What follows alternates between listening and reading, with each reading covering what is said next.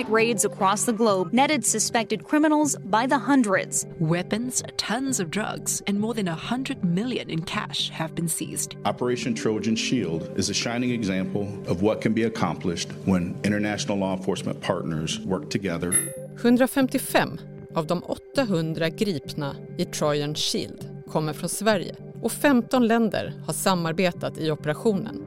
The Swedish police performed one of the most extensive strikes ever. På en kvart får du veta vad Sverige har för roll i den internationella operationen och hur historiens största tillslag mot kriminella nätverk kunde lyckas. The criminals were not underneath the radar, they were on it.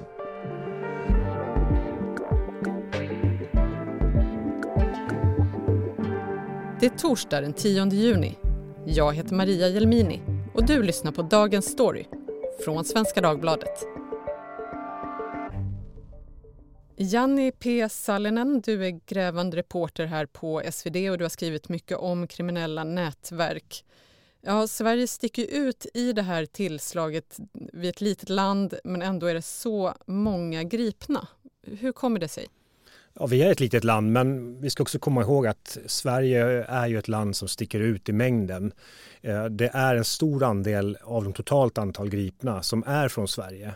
Och eh, det har funnits ett ganska akut läge som jag förstår att agera på det här därför att det har funnits eh, planerade våldsdåd och mord i den här soppan av alla meddelanden som svensk polis har fått ta del av från FBI. Så att, visst, vi är små men, men vi, har också, vi är kända för den här kriminaliteten, våldsbrotten och sprängningarna och allt det här i Sverige. Men så vad vet vi om de här 155 personerna? Vad rör det sig om för typ av kriminalitet till exempel? På vi ser att det har rapporterats om personer i, i, som är kopplade till eh, olika kriminella organisationer eller, eller gäng. Och vilka kriminella är det som väljer att använda den här typen av appar? Att jag ska vara krypterad. Då har man ju så att säga någon slags syfte att begå brott redan där. Att det här ska vara hemligt, ingen ska se det här. Man är redan där rätt högt i hierarkin? Ja, lite så blir det ju eftersom eftersom det är sofistikerat. Det finns en, det fin man vill vara dold, man vill verka i det dolda och då är det ju planerat och det säger väl någonting om, eh, någonting om nivån på den här insatsen också. Att det, är, det är inte vilka som helst småbrottslingar som kanske skaffar och betalar för den här eh, funktionen. Om man då tittar på den här operationen, den har pågått i flera år. Ehm, det är ett samarbete mellan 15 länder, FBI var de som, som drog igång det. Hur har det här samarbetet gått till? I stora drag. FBI har ju planterat den här eh, telefonen med den här funktionen då bland en rad kriminella och sen har det spridits och det har de kunnat följa. Eh, det det handlar om egentligen att, det, att i telefonen så finns det en, en, en miniräknare och i den så slår du in en speciell kod och så kommer du åt den här meddelande och telefonsamtalsfunktionen. Och det här är ju givetvis, det ska verka dolt och hemligt eh, och de kriminella kanske älskar det här för att det här är så sofistikerat. I själva verket då så ser ju FBI på all kommunikation, samtal, bilder, sms Eh, Eh, och det är eftersom att man har gripit en person som man har lyckats övertala att börja sprida den här till andra, det vill säga en informatör som har bytt sida för att få strafflättnader som jag förstår. Eh, och då lyckas den här personen få in ytterligare personer eh, i Australien och det är där ehm, det så att säga sprids vidare sen. Den internationella operationen Trojan Shield är en av de mest omfattande någonsin.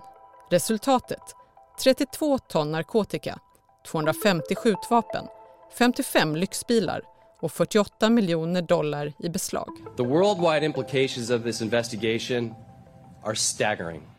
Det var tidigt i måndags morse som polisen slog till i en koordinerad insats. Polis i 16 länder har varit involverade och över 800 personer har alltså gripits hittills. Många från stora maffianätverk och brottssyndikat. The global police raids have included the Italian mafia, Asian crime syndicates, drugs cartels and illegal motorcycle gangs. Så hur togs då kontakterna mellan FBI och Sverige eller har det framförallt skett via Europol allt det här? Jag tycker mig se att det verkar ha funnits en direkt kontakt mellan FBI och svensk polis. Eh, man säger att man har fått data från FBI. Det handlar om 1600 meddelanden och där har det chattats om våldsaktioner. Det har FBI sett vad jag har förstått och, och därmed har läget blivit akut. Man har alltså, svensk polis säger ju att man har förhindrat tio mord så det har ju varit eh, ett akut läge. Men en annan sak som är intressant är att det finns en svensk koppling utöver det här. Och det är att eh, Australien som var inblandat i det här tidigt, de hade efterlyst en man från Turkiet. Och han misstänks då, då vara en central hubb för narkotikahandeln in till Australien. Eh, och han är huvudmisstänkt i en utpressningshärva i San Diego nu i västra USA. Och där finns ytterligare 16 personer misstänkta. Eh, Australien, Finland, Storbritannien men även en person från Sverige den här svensken var en Einom-influencer. Det vill säga en sån person som FBI gärna ser ha den här telefonen eh, för att det kanske är någon som har någon status eller har bra kontakter. Så det här är en, ett sånt område då som man har kommunicerat runt. Vet man något om hur Sverige och FBI har kommunicerat? Man kan ju gissa att eh, FBI och Sverige och även Europol och andra kommunicerar krypterat givetvis. Och jag tror att det här, har, det här har hemlighållits så länge så jag tror att man har varit väldigt försiktig för alla typer av inverkan utifrån, bli av, själva bli avlyssnade eller avslöjade av någon på något sätt. Och om man tittar på Europol lite mer allmänt, vad är det för typ av organisation? Vad, vad är Sveriges del där? Europol är ju en europeisk polismyndighet eh, som idag har ganska så... Alltså mandatet håller på att arbetas ut just nu. Man håller på att titta på vilka sätt Europol kan verka mer effektivt, kanske mer som FBI. Men eh, Europol har också koordinerat tidigare insatser, stora operationer det har varit i Spanien, det har varit i, eh, i Sverige, det har varit i Rumänien. Svensk polis och andra polismyndigheter är beroende av varandra idag. Därför att vi ser hur kriminella mönster rör sig ute i Encrochat och man, man vill prata krypterat. Man gjorde så även med Einom då och även andra appar. Så att polisen måste hänga med i det här och då ska, då ska man egentligen inte säga att ja, men, vi kan inte det här, vi måste hjälpa varandra utan det är självklart ska man hjälpa varandra. Vad kan man säga om Sveriges roll? Har vi någon specifik expertis eller hur bidrar vi i de här sammanhangen? Nu får jag chansa lite, men jag, jag, jag säger så här att eh, svensk polis har ju god digital kompetens. Det har man pratat om tidigare.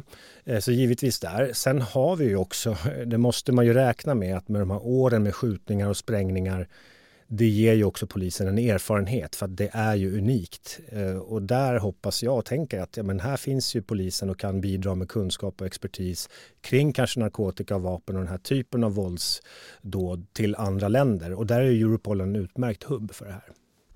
Men du skulle ändå säga att Sverige är en viktig aktör i de här internationella sammanhangen? Absolut, och det, det vet jag att eh, Svenska Tullverket har varit en sån organisation som jag vet har varit tongivande eh, när det kommer till eh, smuggling av vapen och sprängmedel till exempel, eller, eller granater. Då. Så att eh, vi har haft en aktiv roll i det här tidigare.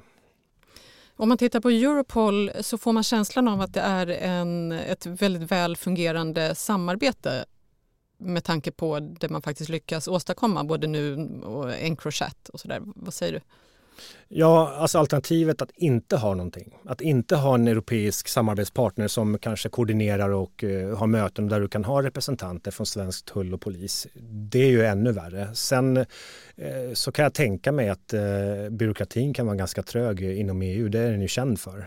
så att, jag skulle säga att alternativet utan är ju, är ju jättemycket värre. It's been called the world's most sophisticated sting, a three year global operation to infiltrate organized crime using an encrypted app. Redan 2018 planterade FBI den krypterade kommunikationstjänsten Einom i den undre världen. Flera kriminella toppnamn lurades att förespråka den krypterade chatten som i själva verket var en fälla. The criminal gangs thought that their communications were encrypted and secure. What they didn't know was that the devices, called Anom, had been developed by the FBI in collaboration with Australian and European police. Användarskaran bland kriminella var uppe i 12 000 konton världen över. Miljontals meddelanden om mordplaner, drogaffärer och pengatvätt skickades mellan de kriminella. These platforms help criminals facilitate and coordinate drug trafficking, murders, public corruption and many other crimes that are committed all around the world. Men hela tiden hade FBI och polisen i Australien och Nya Zeeland full insyn. Svensk polis fick sedan tillgång till 1600 av de här meddelandena som hade koppling till Sverige. FBI planterade ju den här appen i eh, kriminella nätverk och lurade då de här kriminella grupperna att använda den. Är det, någonting, är det ett arbetssätt som svensk polis skulle kunna använda sig av? Jag vet inte exakt vilka befogenheter de har att göra precis så här. Eh, det är komplicerat eh, och frågan är hur det skulle funka i domstol och så. Men däremot så vet jag att nationella operativa avdelningen de arbetar ju på ett sätt med provokativa åtgärder. Man kan till exempel, och har gjort, eh, skapat konton på Darknet där man utger sig för att vara någon annan och eh, utföra affärer i syfte att kanske spåra en person och sen så till slut så lyckas man. Så att de här provokativa åtgärderna där man agerar lite offensivt för att komma åt eh, vissa individer som kanske handlar med vapen eller, eller, narkotika från Sverige, det gör man redan. Sen om man skulle ta att man gör det på 100 personer, skulle det vara någon skillnad då? I det här fallet så delar man ju data över hela världen och vi ser och det hoppas att vi ska få se framöver, det, det är egentligen hur det här nätverkas över länder. Har svenska kriminella, vilka band har de till andra länder? Det är det vi får på köpet nu. Och vad säger svensk polis om det här tillvägagångssättet, just att man då har planterat den här appen? Ja, Linda Stav på NOA då, hon var ju tydlig med att betona att eh, vi var inte med på marknadsföringen av den här telefonen. Eh, och med det säger hon då säkert att ja, vi har ju bara tagit emot data. Vi har inte agerat eh, proaktivt i det här utan vi har fått ungefär som ett, ett väldigt sofistikerat tips så man jublar inte officiellt åt eh, tillvägagångssättet? Men fördömer det inte heller, eller hur ska man tolka det? Jag skulle tro att man jublar. Jag tror att man jublade eh, så fort det blev känt i de olika polisregionerna. Det här är en stor framgång, så givetvis gör man det. Eh, sen är ju frågan eh, vad de kan kommunicera ut och vad de väljer att kommunicera ut. Jag tror att det kan finnas en del intressanta spår för journalister i det här också att titta på hur det har gått till och, och framförallt är det intressant med en efterföljande debatt. Ska svensk polis agera så här? Bör man kunna agera så här? Eh, hur avgörande roll spelar de här krypterade chattfunktionerna inom den organiserade brottsligheten nu och framöver? Någon väg hittar ju kriminaliteten framöver. Det kommer det att göra. Och det säger också mycket att det har flyttats dit, till det här krypterade, funktion, liksom krypterade appar. Det fanns inte för några år sedan i den mängden. Och då, var, då fanns det till exempel eh, krypterade eh, mailfunktioner, eh, så kallad PGP eller GPG, som du kunde sätta till och då var det nycklar som skulle läsas av. Idag har det blivit så smidigt, det är så lätt det här. Ja, så, men jag tror ändå att det här skickar ju en våg av osäkerhet hur sjutton ska vi kommunicera nu? Ska vi stanna bilarna vid en motorväg och hoppa ut och diskutera där, där ingen kan lyssna på oss? Går man tillbaka till de här mer traditionella metoderna nu? Eh, sen finns det ju också en, en viss naivitet i det här. Om man tänker som kriminell sådär att men vi är ju skyddade, vi bara kör det här. När vi vet i samhället att det finns stater som kan knäcka varenda system vi har i vår telefon eller i dator. Det, det är ju där, så man har ju någonstans blint trott på att det här, det här kommer vi klara. Och det har man ju inte gjort. Och samtidigt så var det ju redan 2018 som, som FBI då lanserade det här i kriminella kretsar och fick eh, det här systemet att börja användas. Har man hunnit eh, utnyttja det och använda det en hel del sen dess? Eller? Jag får en känsla av att eh, på vägen under de här åren så tror jag tänker att man har ändå agerat på akuta fall.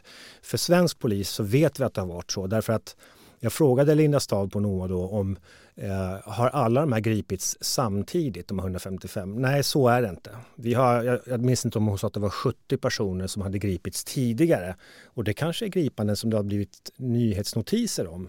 Men man har inte fattat att det har ingått i en större eh, större nätverk av, eller större operation. Det har vi ju sett nu. Så att man har nog agerat på ganska akuta ärenden under de här månaderna som det har pågått. Exempelvis så hittades ju 50 kilo kokain i Farsta i södra Stockholm i, var det i december eller januari, jag minns inte.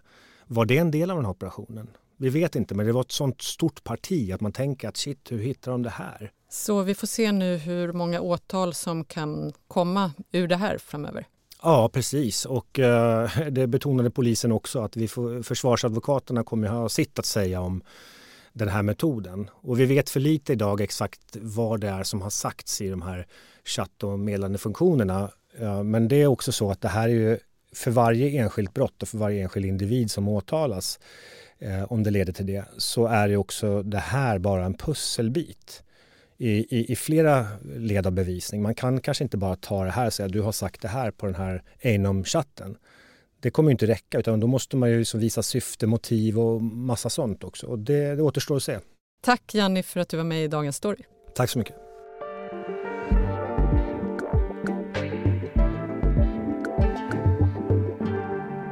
Vi som gjorde programmet idag är producent Siri Hill och jag heter Maria Jelmini. Ljudklippen i avsnittet kommer från Al Jazeera, Europol, CNBC, CNA, SVT och Sveriges Radio. Du har lyssnat på Dagens Story från Svenska Dagbladet. Ett ämne, en kvart, varje vardag. Och du kan kontakta oss på dagensstory svd.se.